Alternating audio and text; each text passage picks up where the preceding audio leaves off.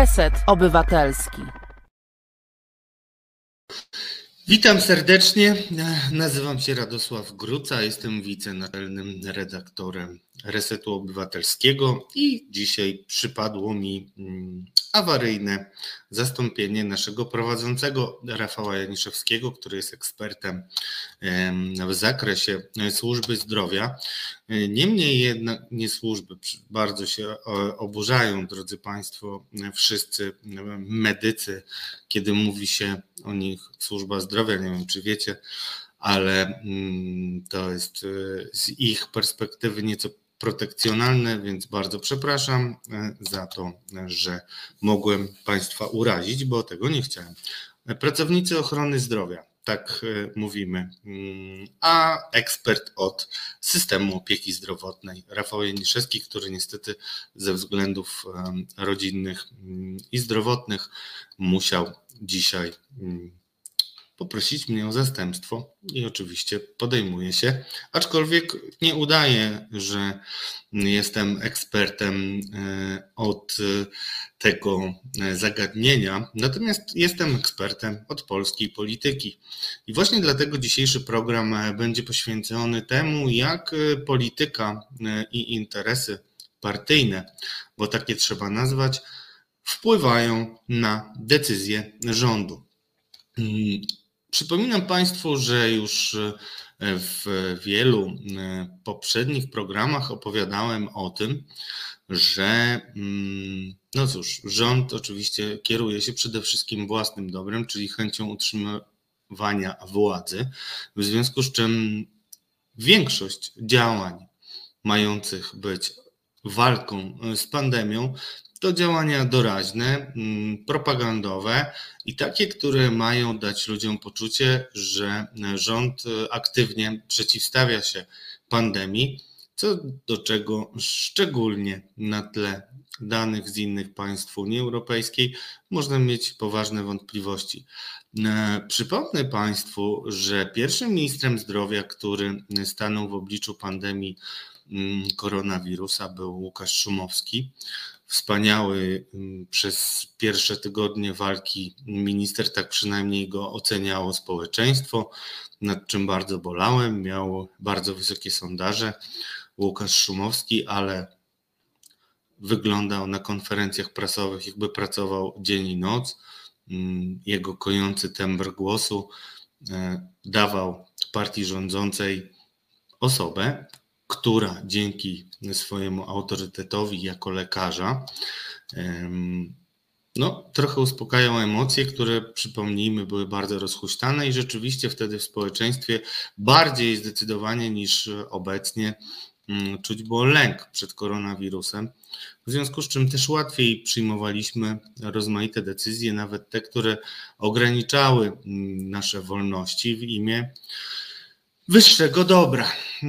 Od tamtej pory dużo się zmieniło. Przyzwyczailiśmy się do tego, że epidemia zbiera swoje żniwo. Oczywiście lato było beztroskie, a po nim nastała zima, gdzie rząd popełnił błędy w komunikacji. Rozmawialiśmy o tym parokrotnie, między innymi z Karoliną Kowalską. Polecam Wam poprzednie programy Katarzis i też program, w którym zastępowałem e, Rafała Janiszewskiego dwa tygodnie temu. Mm, no i chciałem Państwu dzisiaj przedstawić e, na przykładzie ustawy, która miała dawać pracodawcom możliwość weryfikacji tego, czy e, pracownicy ich są szczepieni, czy nie, e, pokazać w jaki sposób polityka determinuje działania e, rządu. Naszą realizatorką jest wspaniała Asiator, w związku z czym poza tym, że wszystkich poproszę o to, żeby mm, wyrazili swoje uznanie, bo Asiator naprawdę dzielnie dzisiaj nam pomaga, mimo że i ona ma pewne problemy zdrowotne w rodzinie. Pozdrawiam Cię, Asiatorku. E, I mm, oczywiście proszę Cię na razie o skan numer jeden, żebyśmy mm, przyjrzeli się temu, co działo się z pomysłem w ogóle mm, weryfikacji szczepień u e, pracodawców, przez pracodawców swoich pracowników. Poproszę na razie skan numer jeden, droga Asiu. Jak widzicie, drodzy Państwo, e, zwracam przede wszystkim uwagę, tutaj patrzę, bo jestem krótkowzroczny, patrzę przede wszystkim na datę. Dzisiaj mamy 28 dzień listopada roku pańskiego 2021. 13 października minister Niedzielski zapowiadał ustawę pozwalającą pracodawcy sprawdzić, czy pracownik jest zaszczepiony.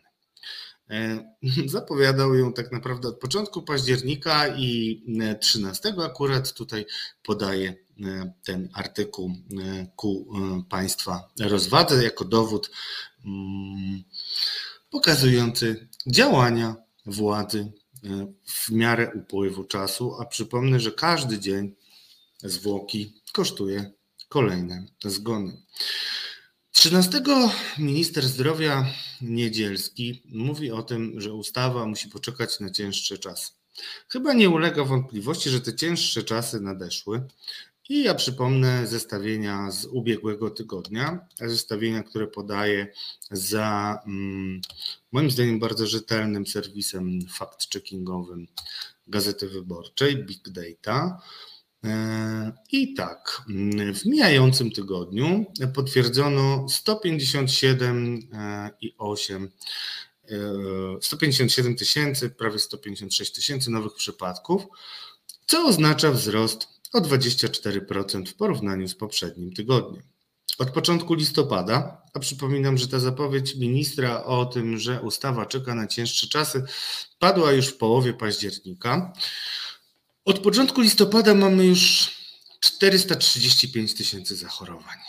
W ciągu ostatniego tygodnia oficjalnie na koronawirusa zmarło 2207 osób.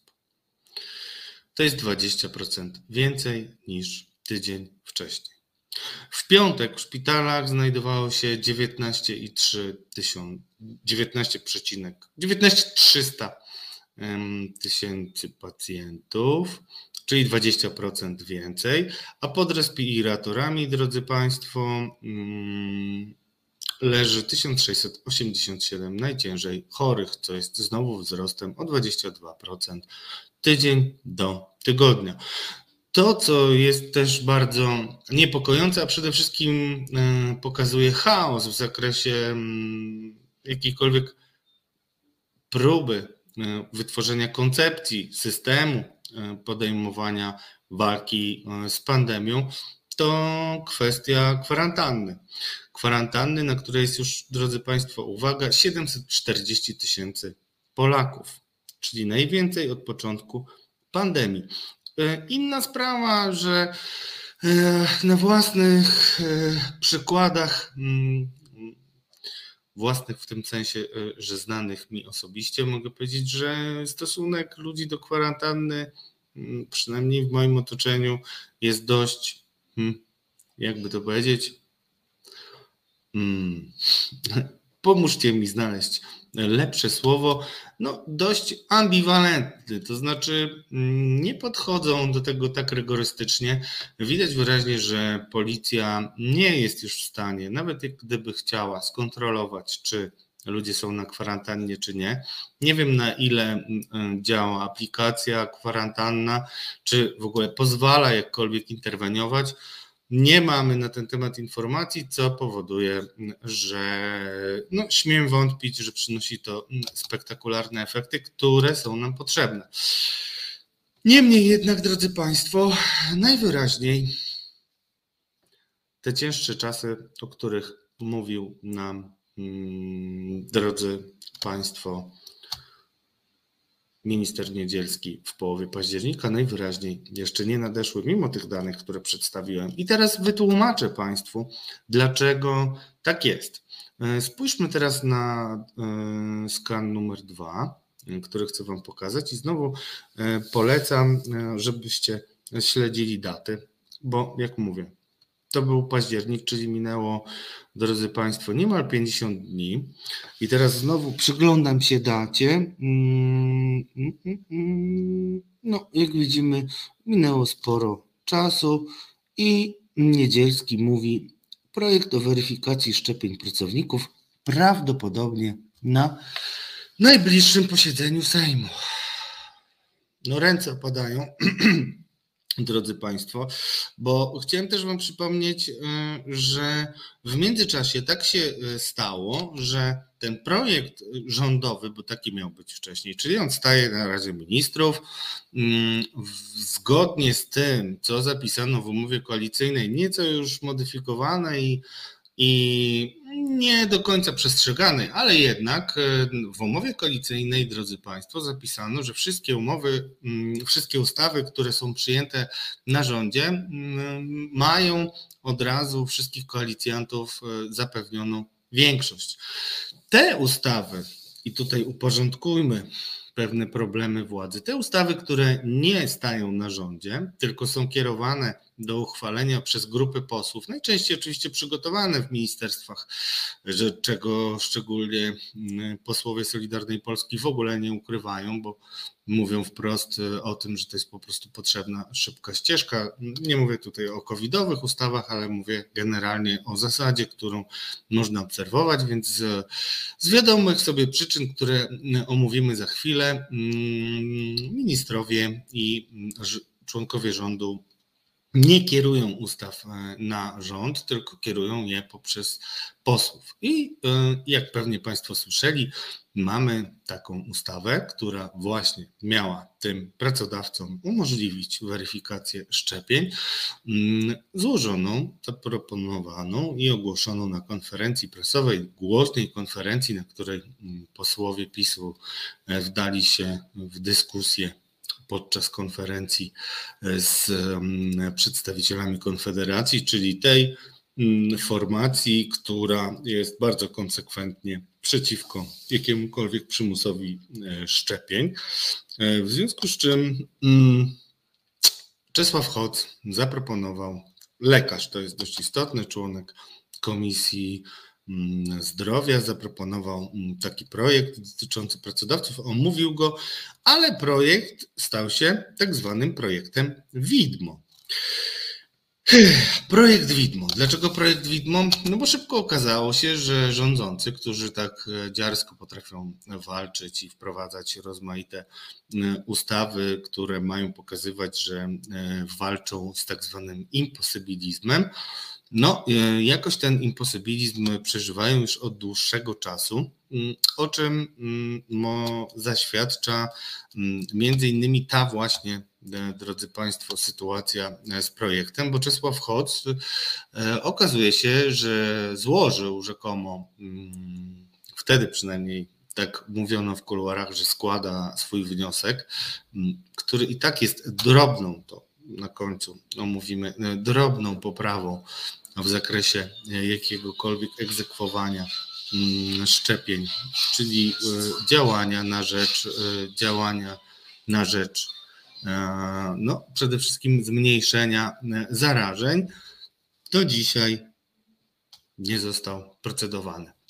Za chwilkę poproszę teraz chwilę przerwy, a po przerwie porozmawiamy o tym, jak na problemy koalicji ze zgromadzeniem większości niezbędnej do uchwalenia mm, tejże ustawy zareagowała marszałek Elżbieta Witek i tak naprawdę gdzie tkwi problem? To znaczy, jacy politycy Prawa i Sprawiedliwości są tymi, którzy z tylnego siedzenia hamują ten projekt. Poproszę teraz o chwilę muzyki.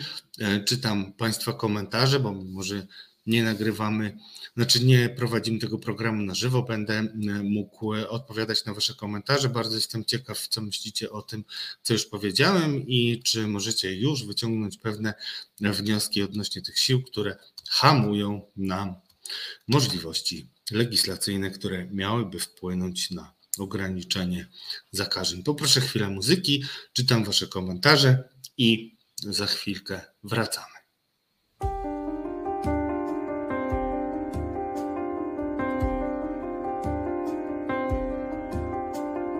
Przytopieli za zagrodą, lekarz leczył żywą, lekarz leczył żywą wodą, żywą wodą. Czy z gorączki, czy z uroku, czy na czarną kolkę w boku, kolkę w boku.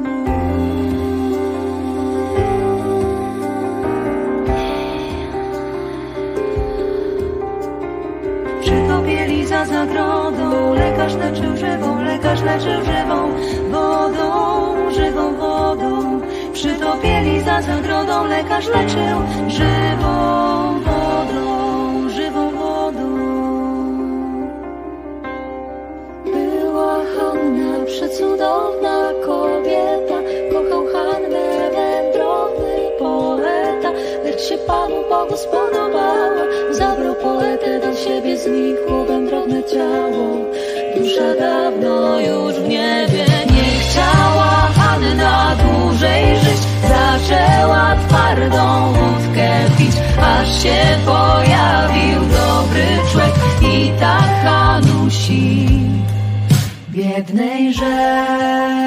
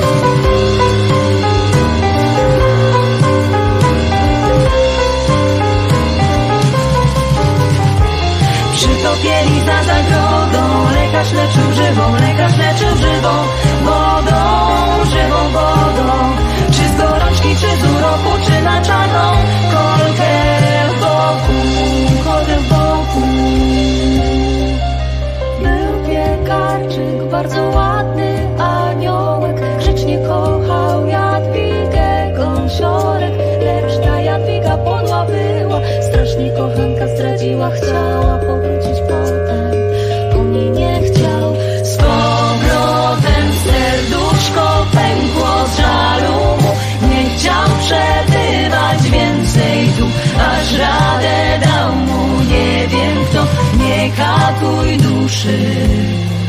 Prawdą żywą, piękna zagrodą, no, lekarz myczą żywą, lekarz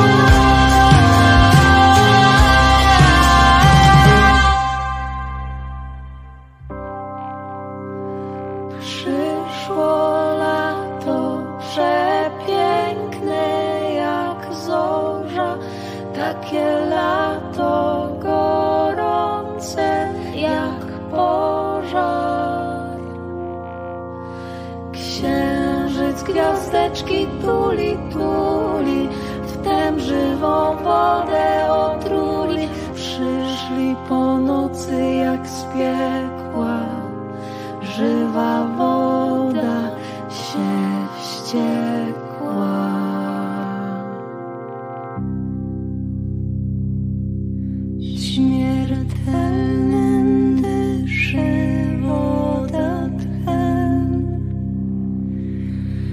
Dzień dla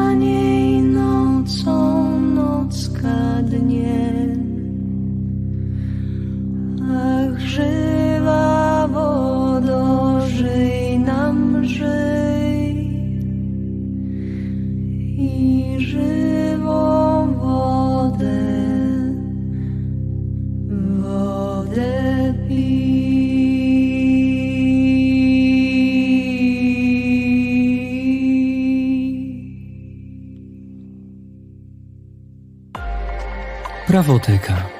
Sędzie Monika Ciemięga, Jolanta Jerzewska i Marta Korzuchowska-Warywoda z Fundacji Edukacji Prawnej Justitia zabiorą Was do świata pełnego teczek z aktami. Wyjaśnią, na czym polega praworządność, sprawiedliwość, ale także jak uniknąć problemów z prawem.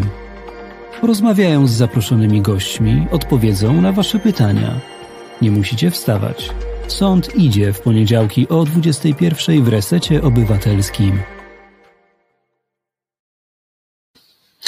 Witam serdecznie, Radosław Gruca. To jest Jazda po zdrowiu, audycja Rafała Janiszewskiego, który niestety mm, z przyczyn obiektywnych nie może dzisiaj poprowadzić audycji, ale wraca już za tydzień. Mm, solennie obiecuję, choć pewnie nie będzie to program na żywo, y, ale postaramy się Was y, także y, wspierać na czacie dyskusjami i komentarzami. A ja wracam do powodów, dla których rząd ociąga się nawet z tak e, niedaleko idącymi e, zmianami w zakresie legislacji, które pozwoliłyby egzekwować to, żeby osoby niezaszczepione, e, czyli te, które wedle obowiązującej opinii większości lekarzy dużo bardziej są potencjalnie dużo bardziej zarażający, przenoszący epidemię, mm, byli przez pracodawców albo no, tak jak miało być w projekcie, przesuwani do pracy zdalnej, a jeżeli by to było niemożliwe, mogliby być wysłani do domu nawet y, na urlop bezpłatny.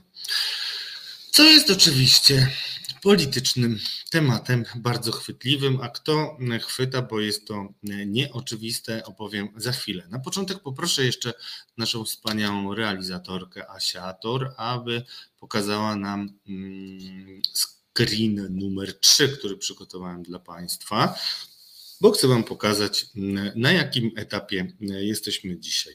Tutaj mamy fragment mm, najświeższej informacji dotyczący tego, w jaki sposób e, można będzie weryfikować e, szczepienia. I to jest e, następstwo, czy też efekt tego, co działo się w ostatnim tygodniu w Sejmie. Jak wiecie, ustawa Czesława Hoca, która miała zawierać te możliwości dla pracodawców, gdzieś stała się w międzyczasie ustawą widmo. Niektórzy, co bardziej chyba prawdomówni, politycy PiSu mówili nawet, że częściowo wycofali swoje podpisy mm, parlamentarzyści PiSu.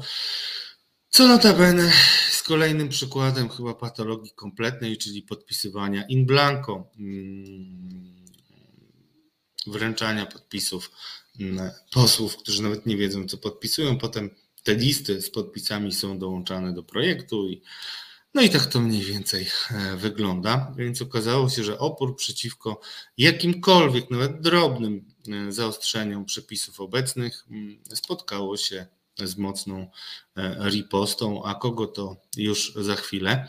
Natomiast pokazuję Wam, że ta ustawa, która miała, jak powtórzę po raz trzeci, była naprawdę niedaleko idąca, jeśli chodzi o zmiany i zaostrzenia, już jest rozmydlana w jaki sposób doszło do tego rozmydlania i jak rządzący próbują sobie poradzić z tym, że mimo e, stałej deklaracji walki z imposybilizmem nie są w stanie nawet tak prostej ustawy e, przeprowadzić, a przypomnę, że przy braku jakiejkolwiek e, debaty wewnętrznej w partii i nawet refleksji na temat tego, co posłowie uchwalają, a często jest tak, że nie wiedzą do ostatniego dnia, podobnie jak opinia publiczna, nad czym będą głosować. No, efektem e, tego typu praktyki jest to, że ustawę można uchwalić w przeciągu 72 godzin e, i ona wchodzi w życie. No, dlaczego ta nie wchodzi? Dlaczego nie wchodzą żadne inne? Na przykład postulowane obowiązki szczepień, czy też postulowane ograniczenia w użytkowaniu restauracji, czy też e, kin i tak dalej, podczas gdy e, w państwach Unii, w wielu państwach Unii już obowiązują te ograniczenia i, i mogą wchodzić tylko ludzie, którzy już wcześniej być zaszczepieni, no tutaj odpowiedzią jest polityka, której prym zdecydowanie, zdecydowanie mm, no, merytoryka jest y, na drugim planie, najważniejsze jest y, Polityka, czyli pojęcie, które w Polsce coraz częściej oznacza tak naprawdę działanie na rzecz utrzymania władzy za wszelką cenę. I tak rozumiem słowo i sformułowanie, że przymiotnik polityczny, coś co jest politycznego, tak naprawdę służy albo zdobyciu władzy, albo jej utrzymaniu, co nie jest zupełnie związane z definicją tego słowa, którą możecie znaleźć w słownikach. Drodzy Państwo, ta ustawa mm, wygląda już dzisiaj mm, tak lajtowo, powiem kolokwialnie, ponieważ e, w ubiegłym tygodniu partia rządząca postanowiła obejść grupę posłów, którzy mogą nie zagłosować za jakimikolwiek obostrzeniami. W jaki sposób? No wciągając opozycję. Jest to w ogóle kuriozalne działanie, aczkolwiek y, to, co się nawet wydaje kuriozalne, najczęściej mm, wynika z badań, które PiS bardzo, y, bardzo dokładnie mm, analizuje. I drodzy Państwo, pomysł jest z grubsza taki wciągniemy opozycję e, do głosowań nad e, obostrzeniami po to, żeby utwardzić nasz elektorat sceptyczny wobec szczepień. Po to właśnie marszałek Elżbieta Witek zaprosiła liderów e, ugrupowań sejmowych na spotkanie, które odbyło się w środę. No i tam wyszło szydło z worka, chociaż poszedło w innych programach, będziemy rozmawiać, a będzie e, to rozmowa związana także z rywalizacją między Elżbietą Witek i Beatą Szydło. Wrócimy do tego, obiecuję, e, ale rząd pokazał swoje prawdziwe, rząd e, za pośrednictwem Elżbiety Witek pokazał swoje prawdziwe intencje, bo parlamentarzyści i liderzy ugrupowań sejmowych poszli na spotkanie i nie dowiedzieli się w zasadzie niczego powszechnie wydawało się, że właśnie przedmiotem dyskusji, powszechnie, czyli wśród opozycji, wydawało się, że to środowe spotkanie ma służyć temu, żeby porozmawiać na bazie projektu HOCA, przynajmniej o możliwych y, drogach wprowadzenia pewnych y, obostrzeń prawnych. No, okazało się, że jest zupełnie inaczej. Na konferencji po tym spotkaniu Elżbieta Witek y, zupełnie hmm, bez cienia żenady i zawahania przyznała, że tego projektu jeszcze nie ma w ogóle w lasce marszałkowskiej, mimo że już wcześniej go zapowiadano. No jest to um, znamienne, e, drodzy Państwo. Więc wysłuchano tylko mm, opozycji i ich opinii odnośnie tego, co byliby skłonni mm, poprzeć, e, i spotkanie zakończyło się niczym. Co my powinniśmy wywnioskować e, z tego, co się stało? No, rząd ewidentnie mm, zbadał swój elektorat, e, w związku z czym zrobi wszystko, żeby do chwili, kiedy opinia publiczna naprawdę przerazi się pandemią, myślę, że to musi być czterocyfrowa e, liczba zgonów, mm, nie zrobi nic. To ostatnie, y, te, te, te ostatnie dwa screeny mm, mm, to zapowiedź ministra o tym, że projekt ewentualnych y, obostrzeń może stanąć na grudniowym posiedzeniu, czyli nawet nie mamy jeszcze grudnia. Znowu odwlekamy wszystko, przeżyjemy jakoś weekend, będzie jak będzie. Powiem szczerze, mnie to kompletnie e, przeraża e, i rozbija. E, co stało się po tym posiedzeniu? No, Elżbieta Witek, marszałek Sejmu, zapowiedziała, że teraz przystąpią do spotkań roboczych i takie spotkanie robocze odbyło się z wiceministrem Waldemarem Kraską, który jest taką twarzą, jest taki też o tyle mm, niepasujący do tej ekipy, że czasami zdarzy mu się powiedzieć coś szczerze e, i też obnażyć pewne plany rządu. Nie jest to taki polityk e, sensu stricte, tylko raczej rzeczywiście człowiek, który powinien się na czymś znać, co też nie jest niestety w tej ekipie specjalnie częste. Więc Waldemar Kraska rozmawiał e, na posiedzeniu z przedstawicielami opozycji i co tam się wydarzyło? No, e, najpierw na mm, pomysł, który powinien znaleźć szeroki konsensus, mm, wybrano tak zwany fundusz kompensacyjny. Fundusz kompensacyjny to coś, co tak naprawdę jest postulowane jeszcze przed pandemią przez środowiska tych polityków i działaczy, którzy występują przeciwko szczepieniom generalnie.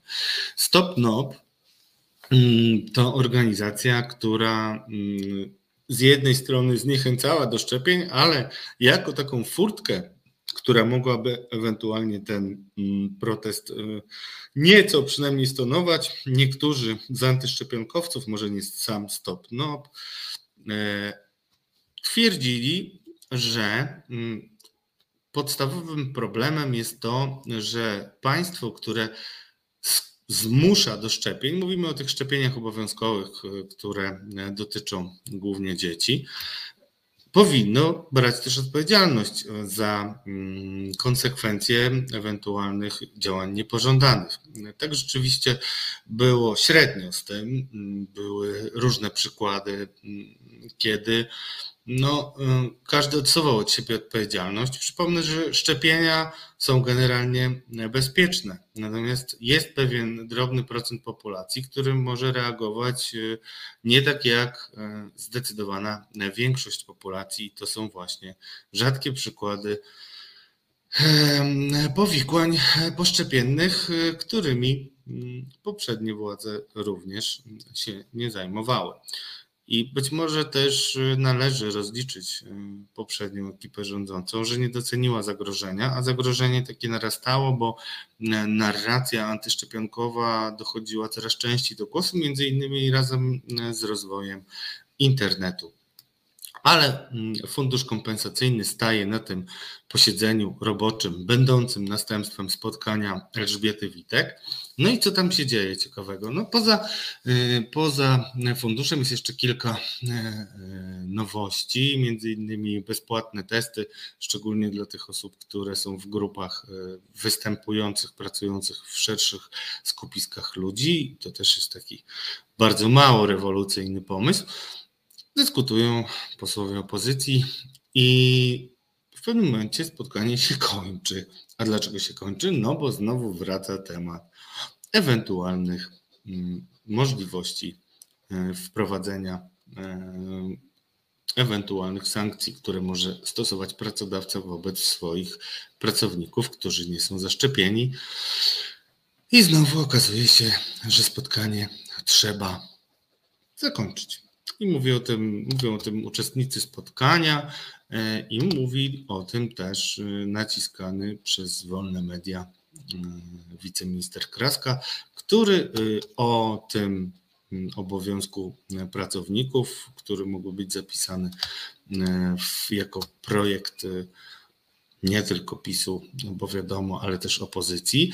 Mm, mówi tak, Waldemar Kraska. Pojawił się taki wątek, ale nie miał konsensusu, żeby coś takiego wprowadzić.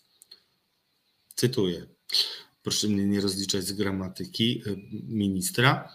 Minister powiedział też: Chcemy, aby te projekty, które są kontrowersyjne, były przyjmowane w pełnej zgodzie i z aprobatą wszystkich klubów. Czekam na Wasze komentarze, jak to odczytywać, bo myślę, że y, resetarianki i resetarianie bezbłędnie zrozumią y, motywację ministra. E, pytany, czy to oznacza, że teraz każda decyzja będzie podjęta dopiero, gdy będzie jednomyślność, e, to minister ucieka w, taki, w taką wypowiedź, że to ta większość, która będzie popierać konsensus, musi być dość duża. W dziennikarstwie nauczyłem się, e, że jeżeli chcesz e, pisać e, rzetelnie i być traktowany poważnie, musisz unikać takich stwierdzeń w swoich tekstach, właśnie jak dość duży i tak dalej. Rozumieć, czyli takich słów, które tak naprawdę zupełnie rozmydlają Twoje różne tezy. Politycy działają wręcz odwrotnie. Mamy wobec tego taki stan, mija półtora miesiąca, e, lada moment e, i minister e, jako przedstawiciel rządu w międzyczasie po zgłoszeniu pomysłu najpierw rezygnuje z tego, żeby mm, wprowadzać pomysł drobnych obostrzeń mm, jako rząd, zrzuca to na posłów, a posłowie, którzy przyjęli na siebie ten obowiązek, czyli mówiąc wprost, zostali do niego najprawdopodobniej przymuszeni przez władzę, bo mało jest inicjatyw oddolnych w tej kadencji. Mm, no, nie udaje im się złożyć tego projektu i jest też przyczyna, dla której im się nie udało, a w zasadzie tych przyczyn jest około 30. Dlatego posłuchajcie chwilę muzyki, po której zrobimy, cytując poetę, takie podsumowanie, kto jest kto, rozwiązanie zagadki już po przerwie muzycznej, drodzy Państwo.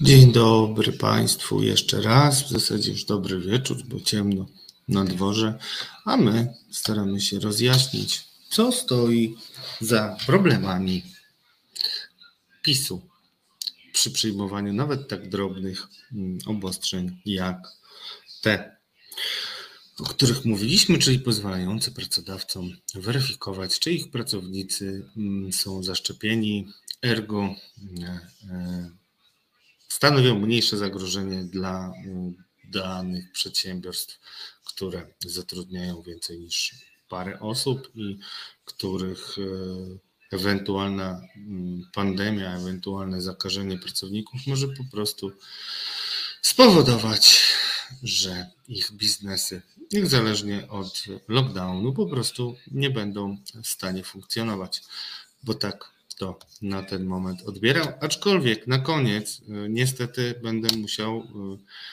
Was trochę skonfudować, bo przyznaję się, że brakuje mi mm, w debacie publicznej odpowiadania na różne pytania, które się pojawiają i też informacje, które gdzieś tam Mm, do mnie e, i do dziennikarzy zajmujących się kwestiami systemu opieki zdrowotnej docierają, ale to na koniec e, e, na klatę, drodzy, przyjmę, ale też podzielę się z Wami, bo być może będziecie mieli jakiś ciekawy pomysł, jak to rozwiązać.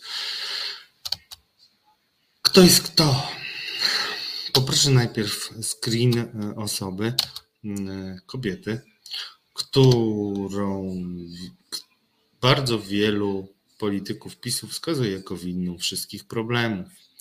Nie zdziwiłem Was zapewne. Anna Maria Siarkowska, posłanka PiSu, ale nie członkini partii, co też jest dość istotne, zdefiniowała koncepcję sanitaryzmu. Zrobiła to, jak widzicie, już w czerwcu. I ten tweet jest przypięty do jej profilu. Jest to temat, który bardzo mocno zaangażował e, Annę Marię Siarkowską. 22 czerwca pani posłanka napisała, czym jest sanitaryzm. To doktryna polityczna, której założeniem jest podporządkowanie życia społecznego, politycznego, gospodarczego, religijnego, a nawet prywatnego w walce z epidemią. W myśl tej doktryny największym zagrożeniem dla człowieka jest właśnie epidemia. Brakuje mi bardzo głosu, który rozbiłby w pył tę argumentację. Osobiście e, uważam, że pozostawienie tego typu tez przez liczne miesiące, sierpień, przepraszam, lipiec, sierpień, wrzesień, październik, listopad, przez pięć miesięcy, drodzy Państwo. Pięć miesięcy mm, nikt nie spowodował, nikt nie pochylił się nad e, polemiką z Anną Marią Siarkowską. I rzeczywiście, kiedy mm, rozmawia się z panią posłanką, mm, często napotyka się argument z jej strony, że brakuje jej merytorycznej debaty, że nikt nie odpowiada na argumenty, że wszyscy y, wyzywają ją i jej środowisko od foliarzy. Zakładam, że także na forum pojawiają się podobne opinie. Y, I zwracam na to uwagę, bo gdyby pojawiły się choćby na Twitterze osoby, które konsekwentnie by odpowiadały nawet na bzdurne tezy, to byłoby dużo łatwiej społeczeństwo y, przekonywać do szczepień, a nie tylko udawać i pozorować działania. Ale, drodzy Państwo, paradoks polega na tym, że nie, nie paradoks.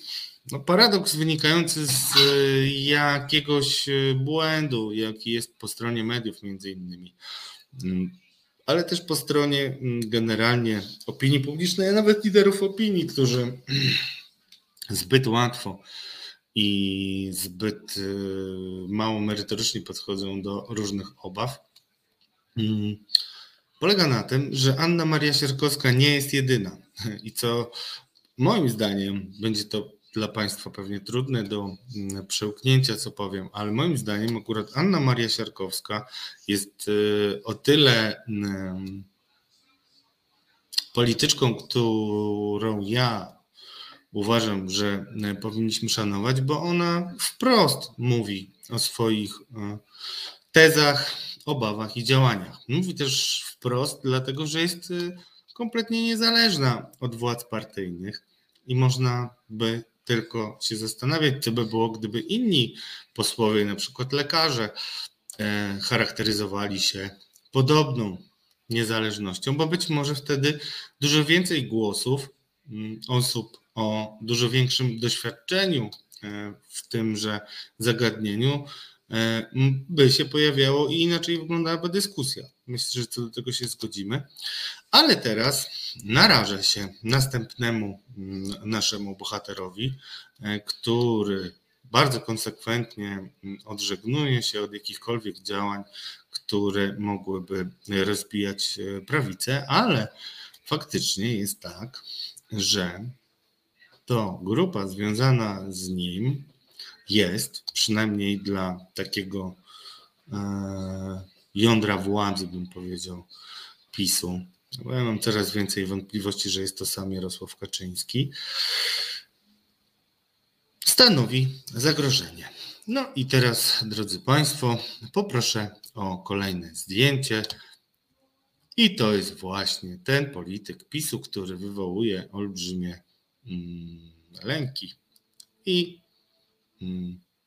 ludzie z nim związani Podobnie jak ludzie z Anną Marią Siarkowską są dzisiaj, drodzy Państwo, mówię to z pełną odpowiedzialnością, największym problemem Jarosława Kaczyńskiego. Nie żadne mejzy, oczywiście odrażająca postać. Gratuluję kolegom z Wirtualnej Polski opisania tej historii. E, Szymon Miatczak i redaktor Żatajczak opisali w jaki sposób hmm, Łukasz Mejza bez żadnych skrupułów wykorzystywał osoby, mm, które w rodzinie mają mm, nieuleczalne chore dzieci i w ogóle nieuleczalnie chorych członków rodziny. Mm, bardzo to polecam. Ale największym problemem dla Jarosława, który zajmuje się tylko polityką, tak rozumianą przeze mnie, jak mówiłem, czyli utrzymaniem władzy, jest bunt w samym łonie PiSu.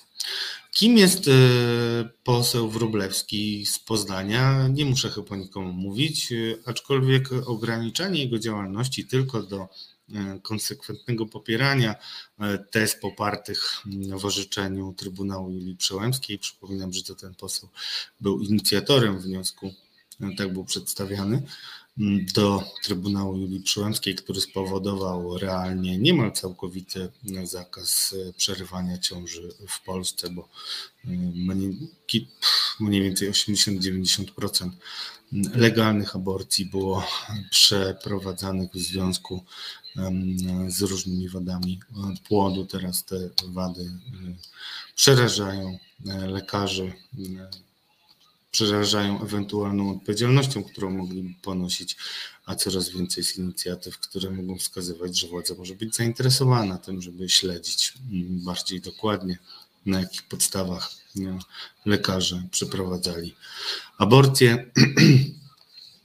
Więc to jest ten poseł, ale absolutnie nie należy ograniczać jego działalności tylko do e, kwestii no, w jakiś sposób, ja bym powiedział, jednak ideologicznych, bo jest jeszcze drugi, hmm, powiedzmy, filar jego działalności e, i jego celów, i to jest, poproszę teraz Asia Torkę, kochaną, e, o kolejny skan, który chcę, żebyście zapamiętali, żebyście zrozumieli, co łączy tych wszystkich polityków.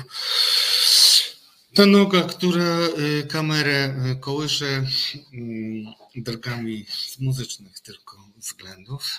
No, wybaczcie.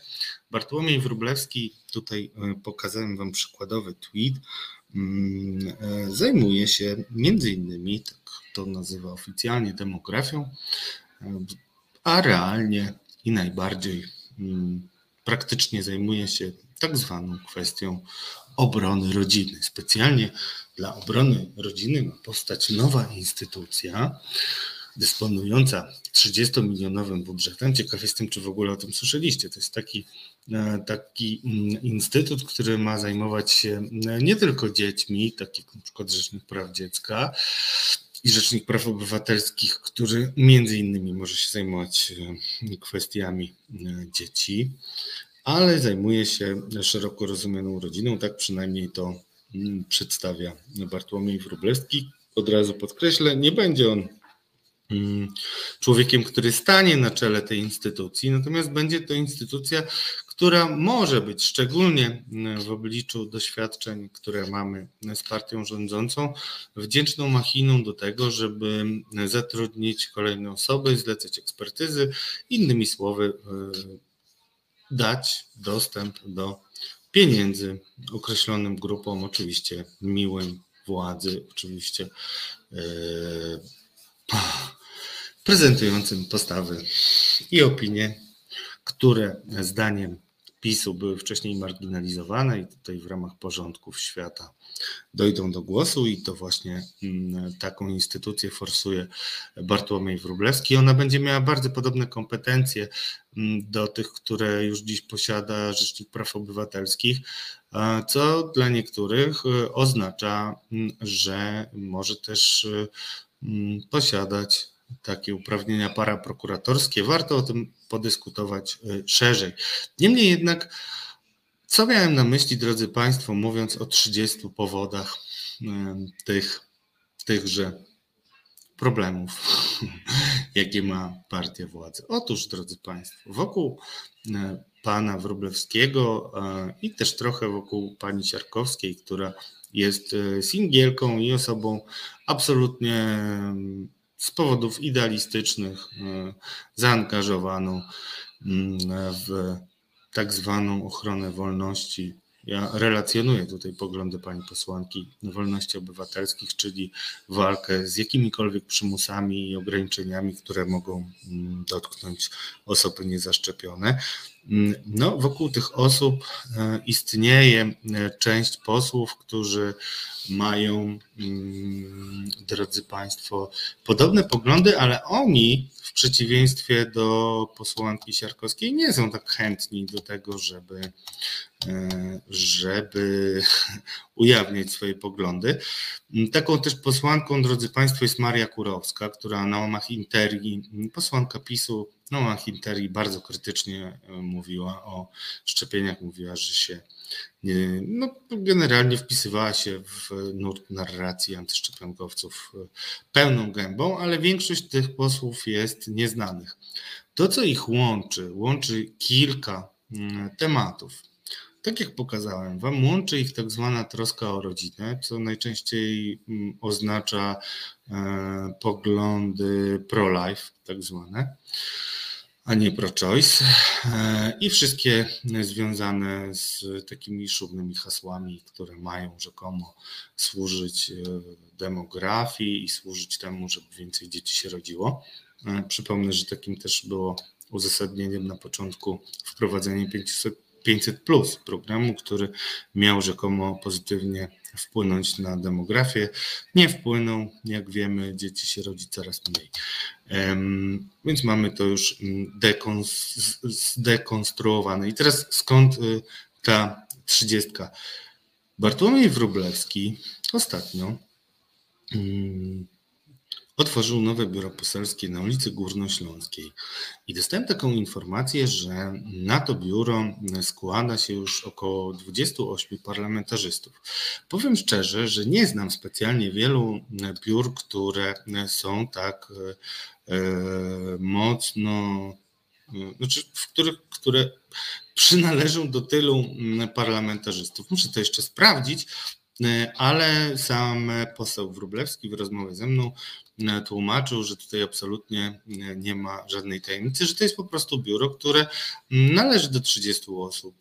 I to nie jest żaden think tank ani nic takiego. Niemniej jednak władza odbiera to inaczej, znaczy rdzeń, nie rdzeń, ten rdzeń, twardy rdzeń PiSu, tak mówi o grupie posłów sam Wróblewski, że oni są twardym rdzeniem PiSu, jest dzisiaj mocno wpływowy. I to właśnie w tym rdzeniu należy szukać e, ludzi, których najbardziej obawia się Elżbieta Witek, Jarosław Kaczyński i e, politycy, którzy byliby skłonni do tego, żeby e, wprowadzać ograniczenia, ale boją się, że właśnie tych 30 posłów, około 30 posłów może się zbuntować. Jakie są motywacje tych posłów? Moim zdaniem powinno się e, badać e, indywidualnie. Ogólnie mówi się o tym, że boją się swojego elektoratu. Należy to jeszcze przeanalizować, ale to właśnie ta grupa usadowiona wewnątrz PiSu jest dzisiaj odpowiedzialna za lęki tej ekipy. Nie jest to wcale Solidarna Polska, drodzy Państwo, mimo że Janusz Kowalski akurat jest e, mocno razem e, z posłanką Siarkowską widoczny w tych działaniach e, mających na celu rzekomą, nie rzekomą, tylko realną walkę przeciwko ograniczeniom, bo sam, sama Solidarna Polska jest podzielona, mówił o tym poseł Cymański, który akurat umie mówić tak, żeby nie kłamać, w związku z czym nie dajcie sobie wmówić, że jest to Solidarna Polska, bo jest to e, problem, który leży w samym PiSie. I mam nadzieję, że tę godzinę e, tę godzinę poświęciłem temu, żeby wytłumaczyć ten proces mm, oporu e, we władzy, a jest to audycja jazda po zdrowiu, ponieważ niestety nasze zdrowie i polityka zdrowotna jest dzisiaj podporządkowana polityce i powinniśmy wiedzieć o tym, kto dokładnie wpływa na to, ponieważ w mainstreamowych mediach z niezrozumiałych dla mnie powodów koledzy dziennikarze nie umieją tego dobrze uchwycić, dlatego poświęciłem całą godzinę, żeby Wam to opowiedzieć. Czekam na Wasze komentarze, a teraz zapraszam już na kolejną audycję. Dzisiaj Marcin Celiński w swoich rozmowach będzie analizował sytuację związaną z podejściem Kościoła katolickiego do kwestii uchodźców, jak to jest. Rozmowa e, z profesorem Obirkiem, a później wyjątkowy gość, rzadko udzielający wywiadów, Piotr Najsztub, e, z którym e, porozmawia Marcin między innymi o sytuacji z Barbarą Kurdej-Szatan i o tym, kiedy krytyka w opinii publicznej wpływa na rozmaite decyzje takich organizacji jak koncerny i tak dalej.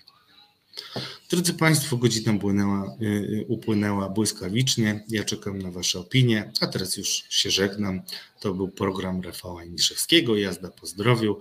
Dzisiaj zamieniłem go w pogadankę o polityce zdrowotnej, która polityce została podporządkowana, ale już za tydzień y, Rafał Janiszewski wraca do Was. Piszcie do nas maile i komentarze, żebyśmy wiedzieli, co Was najbardziej frapuje w obecnej sytuacji. Dziękuję, nazywam się Radosław Kruca i zachęcam do pozostania z nami na program Marcina Celińskiego, który już za chwilę na antenie Resetu. Dziękuję Wam za wsparcie. Dobranoc ode mnie. Reset Obywatelski.